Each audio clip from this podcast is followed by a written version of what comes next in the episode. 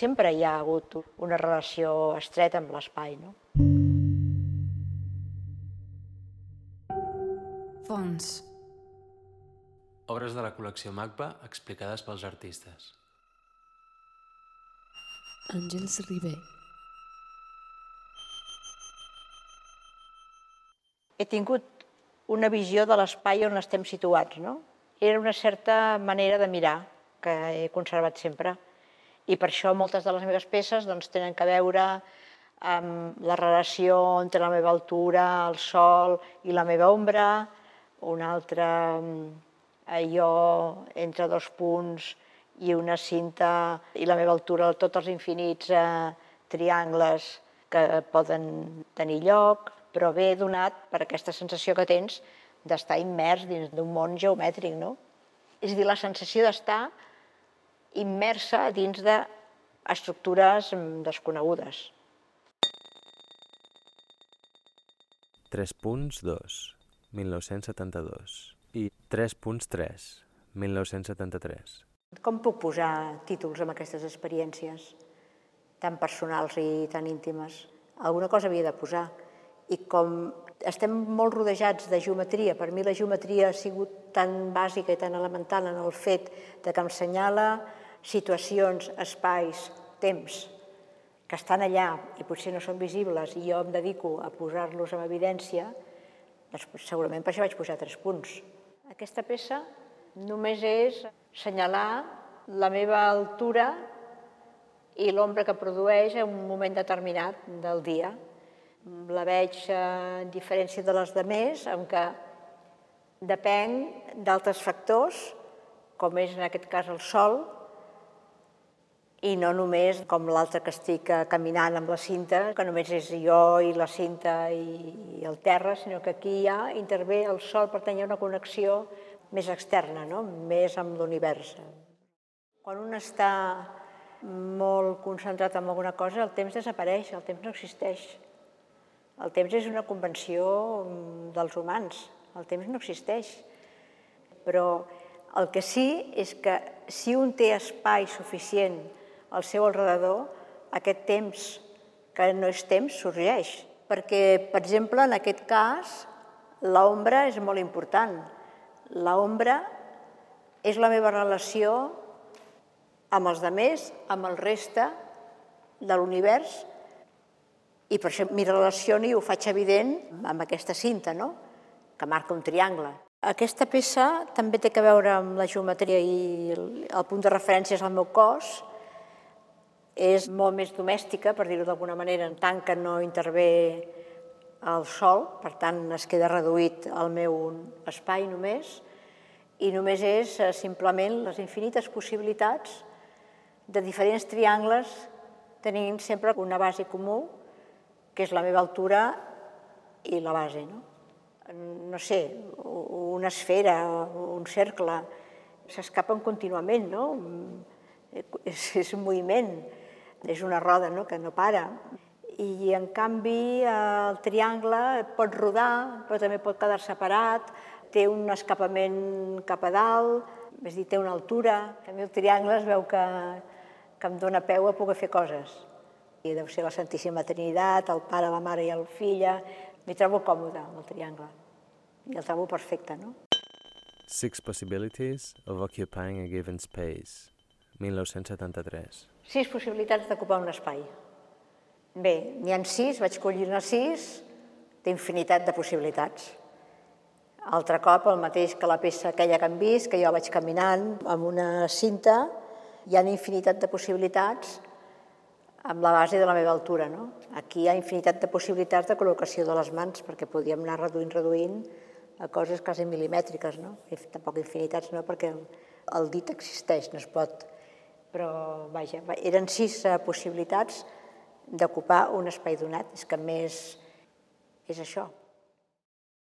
Utilitzo el cos no perquè tingui un interès especial a utilitzar el cos. Utilitzo qualsevol cosa que m'és útil per expressar el que vull expressar.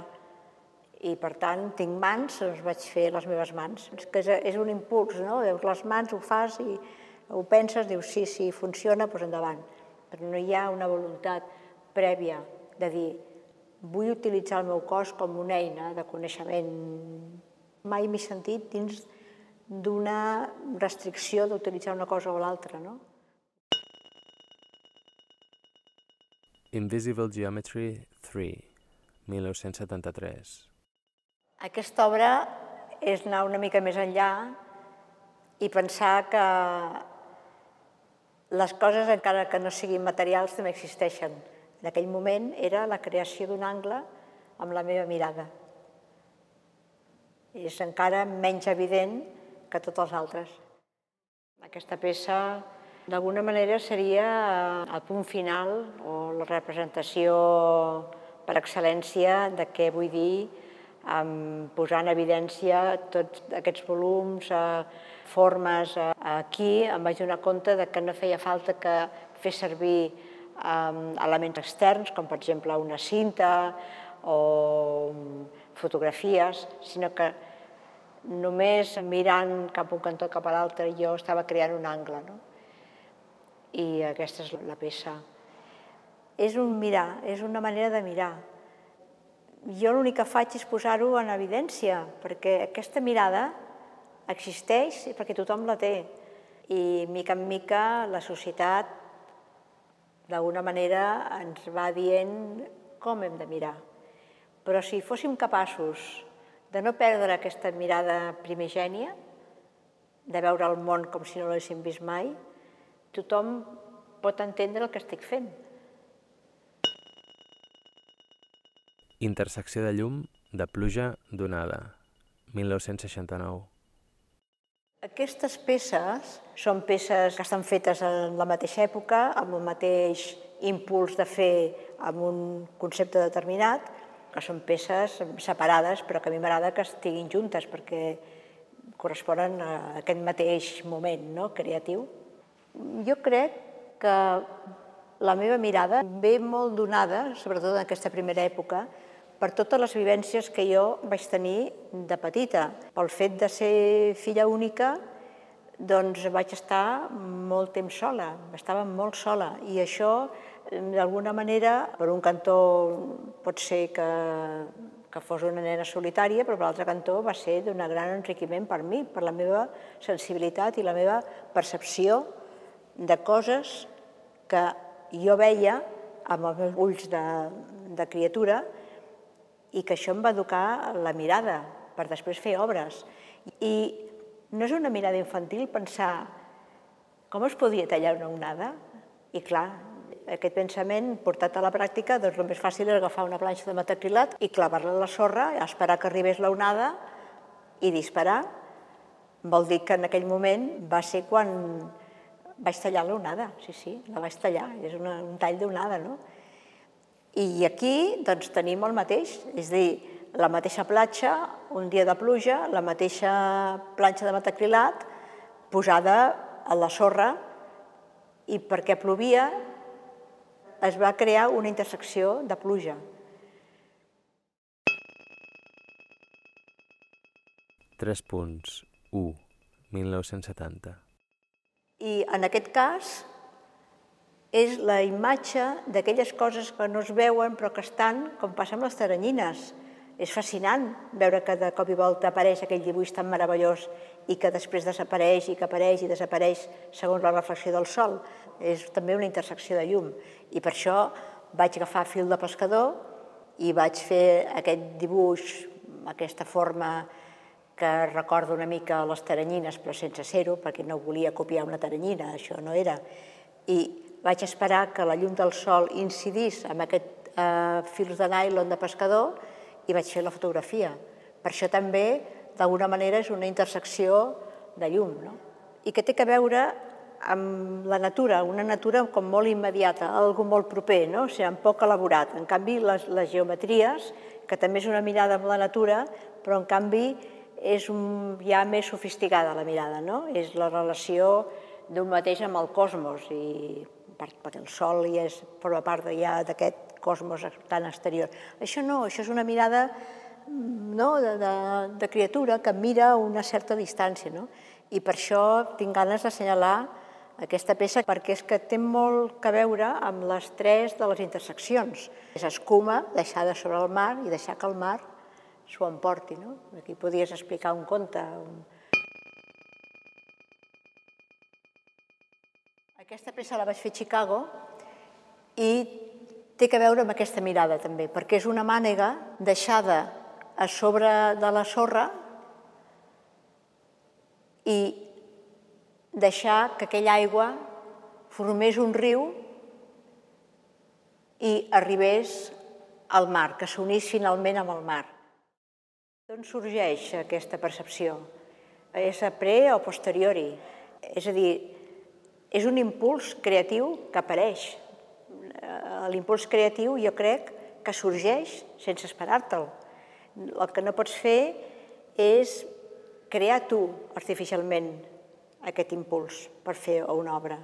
Hi ha obres que poden ser eh, exemples de teories o bé hi ha obres que d'alguna manera corroboren teories. I per mi aquest punt és molt important.